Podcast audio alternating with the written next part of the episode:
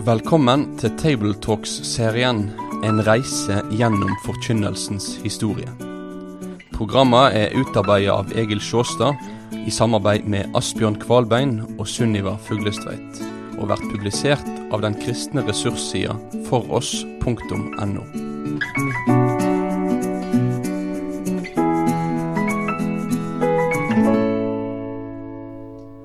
På vårt streftog gjennom forkynnelsens historie vil vi se nærmere på lekmannsbevegelsen som fenomen, og følge noen linjer fram mot 1700-tallet. Lekmannsrørsla skal være ei profetrørsle, sa vekkelseshistorikeren Josef Tungland, og med det mente han at den skal komme inn i dette kirkelivet vårt som profetene gjorde i Det gamle testamentets religiøse liv. Predikantene hadde ofte ikke noe langsiktig plan for forkynnelsen når de hadde møter på et sted. Hver dag måtte de utbe seg ei preik, eller trygle seg til et budskap. Kjempe over en åpen bibel for å få noe å gå med. Både de og forsamlingen ba mye om åndens lys og kraft over ordet over møteserien. Sven Folløen fra Ryfylke, 1878 1953, er et typisk eksempel. Han fikk føre tusenvis av mennesker i Rogaland til en glad tro på Kristus. Han skrev en hel del når han forberedte seg, men han hadde ikke notisboka med seg opp på preikestolen. Lekpredikanten Tore Tungland, som døde i 1997, han sa om Folløen. Han skreiv og las, og da han kom på preikestolen, disponerte Den hellige ande for han. Ja, der ser vi hvordan forberedelsen allikevel var der, men han ville stå og være fri når han så folket foran seg på, i forsamlingen. Og han la til om seg sjøl. Jeg for min del har aldri skrevet et ord. Men det stemmer noenlunde med Kolossene 4.3, der Paulus skriver Bed for oss også, at Gud må åpne ei dør for ordet, så vi kan forkynne Kristi løgndom. Ja, det var misvisende det jeg sa, da, for dette var det Tore Tungland som sa om sin egen måte å preike på. Han husker jeg veldig godt fra min ungdom, da, som en av de typiske lekpredikanter. Han var formann i hovedstyret for NLM i mange år. Akkurat. Preikeidealet var prega av en tro på at Ånden virka gjennom nådegaven. Det var en nådegavebevegelse på en måte. Ånden måtte komme og gi forkynneren budskapet på forhånd, og hjelpe forkynneren til å forme måten å si det fram på under sjølve preika. Tore Tungland fortalte også om noen opplevelser han sjøl hadde i vekkelsestidene. En kveld hadde vi møte i et privathus. Jeg hadde forberedt meg så godt jeg kunne på vanlig måte. Teksten var om kongesønnen sitt bryllup. Da kom Guds ande på en særlig måte. Det kan ikke forklares. Det var som om det ikke var jeg som talte. Folk ble fjetra, de lo og gråt. En kom og sa han skulle ha ropt halleluja. Jeg mener bedehusforkynnere opplever mange slike stunder som dette. Og hva tror vi det var? Jau, det var Den hellige ande som styrte. Slike mektige møter fikk jeg sitte på mange ganger i unge år. Dette var altså i Ryfylke, og vi ser fram til i dag mange ettervirkninger av Folløens virksomhet og den typen predikanter sin virksomhet. Martin Lloyd Jones i England han nevner slike eksempler fra vekkelsen i Wales, som vitner om at det samme skjedde der. Vekkelsesstrømninger i andre deler av verden kunne i samtida ligne på norsk vekkelseskristendom.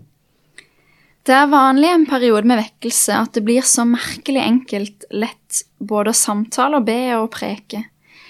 Vitnesbyrdene fra prestene i Wales eh, fra den tiden, altså vekkelsestiden, var at de brukte lite tid til prekenforberedelse. Alt synes å bli gitt dem. De var fylt av budskapet, og de talte uten vanskelighet og anstrengelser, det hjertet var fylt av, og i kristen glede og kjærlighet til Herren. Men det reiser seg et problem når en slik periode er over og vekkelsen stilner. Mange av disse forsto ikke at dette var en spesiell tid, og at de nå etterpå hadde vendt tilbake til de mer ordinære tider i kirkens liv. Nå måtte de arbeide mye mer med prekenforberedelsene. Ja, det er et interessant fenomen.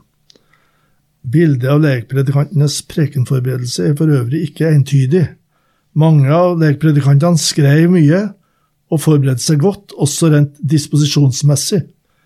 Noen av dem var blant de faglig sett sterkeste i sin samtid, og hadde teft for ordna framstilling. Ludvig Hope, som døde i 1954, en av Kinamisjonsforbundets største forkynnere og ledere, han nådde svært langt som forkynner. Kinamisjonsforbundet er altså det samme som ble NLM etter hvert. Han skrev sine taler nokså fyldig, og brukte papiret mens han sto på prekestolen. Jeg skriver ammen òg, jeg, betrodde han en gang noen av sine venner. Men han var likevel fri i formen. Ingen tenkte på at han hadde papir. Når han ba før han preika, avslørte han hvor avhengig av hva han var av Den hellige ånd. Han tigga og ba til Gud som den fattigste mann, ble det sagt. På 1900-tallet blanda det seg en noe annen type eller metode inn i koret av forkynnere i Bedehus-Norge. Noen av dem var prega av arven fra vest, ble det sagt. Amerikanske metoder vant gjennomslag, og kom i en viss opposisjon til det luthersk-pietistiske preg hos de to tidligere forkynnertypene haugianere og rosenianere. Dette var en forkynnelse som sikta mer mot viljen og følelseslivet enn mot samvittigheten. Amerikanske forkynnere som Moody og senere Billy Graham ga de typiske vekkelsesforkynnerne, også i Bedehus-Norge, sterke impulser. Da kom uttrykk som 'ta standpunkt for Jesus' osv. inn i vokabularet. Det ble ettermøter, folk ble bedt om å rekke opp handa hvis de ville omvende seg eller søke åndelig hjelp. Vi vil senere skrive litt om Billy Graham som predikant. I et foredrag for Den norske kirkes presteforening i 1939 hadde Hope temaet svingninger i forkynninga. Han tok opp flere forhold, bl.a. reformerte innslag i vekkelsesbevegelsene i datidens Bedehus-Norge. Spesielt var han betenkt over det psykologiske press han mente flere forkynnere av den nye typen la opp til. Han etterlyste et sterkere sikte mot samvittigheten, og var skeptisk til ettermøter.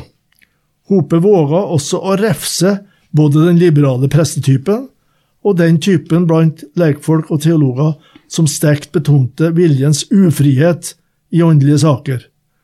Foredraget er unikt i sitt slag, og ikke minst vakte det oppsikt at han, som lekpredikantens leder på en måte, at han vil slippe til i Presteforeningen.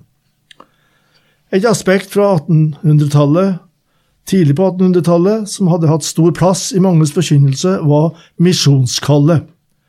Ifra Veksels og Landstad sin tid var misjonssalma blitt en del av sangskatten. Når kallet til å bryte nytt land erobra hjertene, kom flere sangdiktere på banen.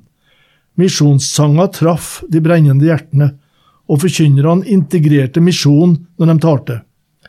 Innenfor ytremisjonsorganisasjonene har kallsforkynnelsen vært sterkt vektlagt, også med sikte på å nå unge med et kall til misjonærtjeneste. Da jeg skulle ha møteserier på 70-tallet, møtte jeg hos flere ledere i misjonen en forventning om å løfte fram kallet vårt. En forkynner, ble det sagt, som aldri har vært utenlands, han fikk høre etter en tale han holdt. Det er ikke vanskelig å forstå at du har vært der sjøl, altså ute på misjonsmarken. Hva hadde han gjort? Jo, han har brukt Utsyn, som Asbjørn Kvalbein var redaktør for, og forberedt seg. Og folk tenker han forteller som om han har vært der sjøl. Bedehuset som arnested for Ytremisjonen førte til at bedehusfolket, lekmannsbevegelsen, tross beskyldning om snevesyn, nettopp hadde utsyn. Forkynnelse, blader og litteratur løfta blikket utover verden til folkeslag i helt andre kulturer. Misjonsfolket ble fortrolig med byer i Kina, med landsbyer på Madagaskar og med stammer i Sør-Etiopia. Ettersom tiåra gikk, ble lekmannsbevegelsen mer polert i formen. Forkynnere ble prega av de forkynnerkursene som de gikk på, og teologer fikk større innflytelse i bedehusorganisasjonene. Tore Tungland skrev allerede i 1963 at nå av radikaliteten er borte. Lekmannsforkynninga i dag har blitt mer utforma og læremessig rett. Men du går vel ikke slik til angrep på tilhørerne nå? Freistninga i dag ligger nær til å verte mer opptatt med talen enn med tilhørerne. En førebur seg som regel godt, og talen må være rett. Derfor kan det ofte verte vanskelig å få den kontakt med tilhørerne som lekpredikarene hadde før. Ja, dette er noe å prøve seg på.